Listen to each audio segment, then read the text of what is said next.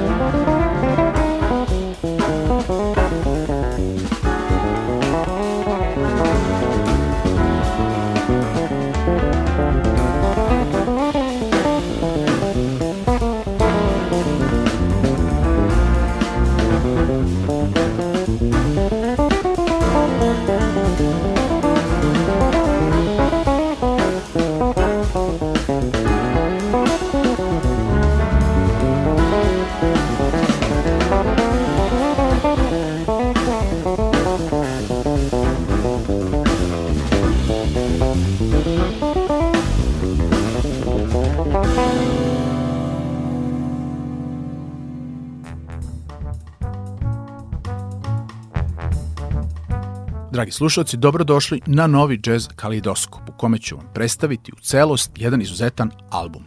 Ovo izdanje naziva Avalanche je objavljeno 2023. godine i stilski predstavlja crossover negde između jazz, fusion, primenjene, world i klasične muzike. Za svoj debitantski album, ruski virtuoz na bas gitari, Anton Davidjans se potpuno netipično odreka uloge muzičkog autora, predstavljajući sebe isključivo kao interpretatora i improvizatora, dok je kao kompozitora i aranžera odlučio da angažuje svog prijatelja, poznatog jermenskog pijanistu Vardana Ovsepjana. Album u tranju od nepunih 45 minuta zapravo predstavlja jednu veliku muzičku orkestarsku svitu sastavljenu od šest stavova. Upravo smo čuli prvi stav koji otvara album, kao i današnju emisiju. U nastavku slušamo drugi i treći stav. Uživajte.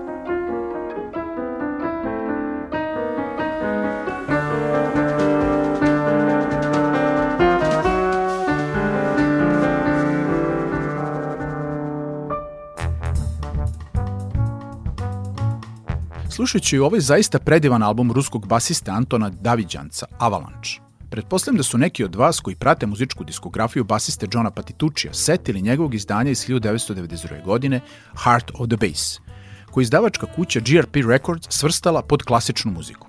Ja se sa tim ne bih baš složio, jer tu ima mnogo i drugih stilskih ukrštanja, kao i na albumu koji upravo slušamo, a čija muzička estetika i atmosfera me je podsjetila na čuveni Patitučijev album. No, postoje dve osnovne razlike. Za razliku od Antonovog albuma koji ceo predstavlja jedno delo, napisano od strane drugog autora i izvedeno u jednoj muzičkoj formaciji. Na albumu Heart of the Bass Johna Patituccija ima više autora, među kojima i sam John, zatim Chico Ria kao i Jeff Bill, a svaka numera je izvedena u drugoj instrumentalnoj formaciji.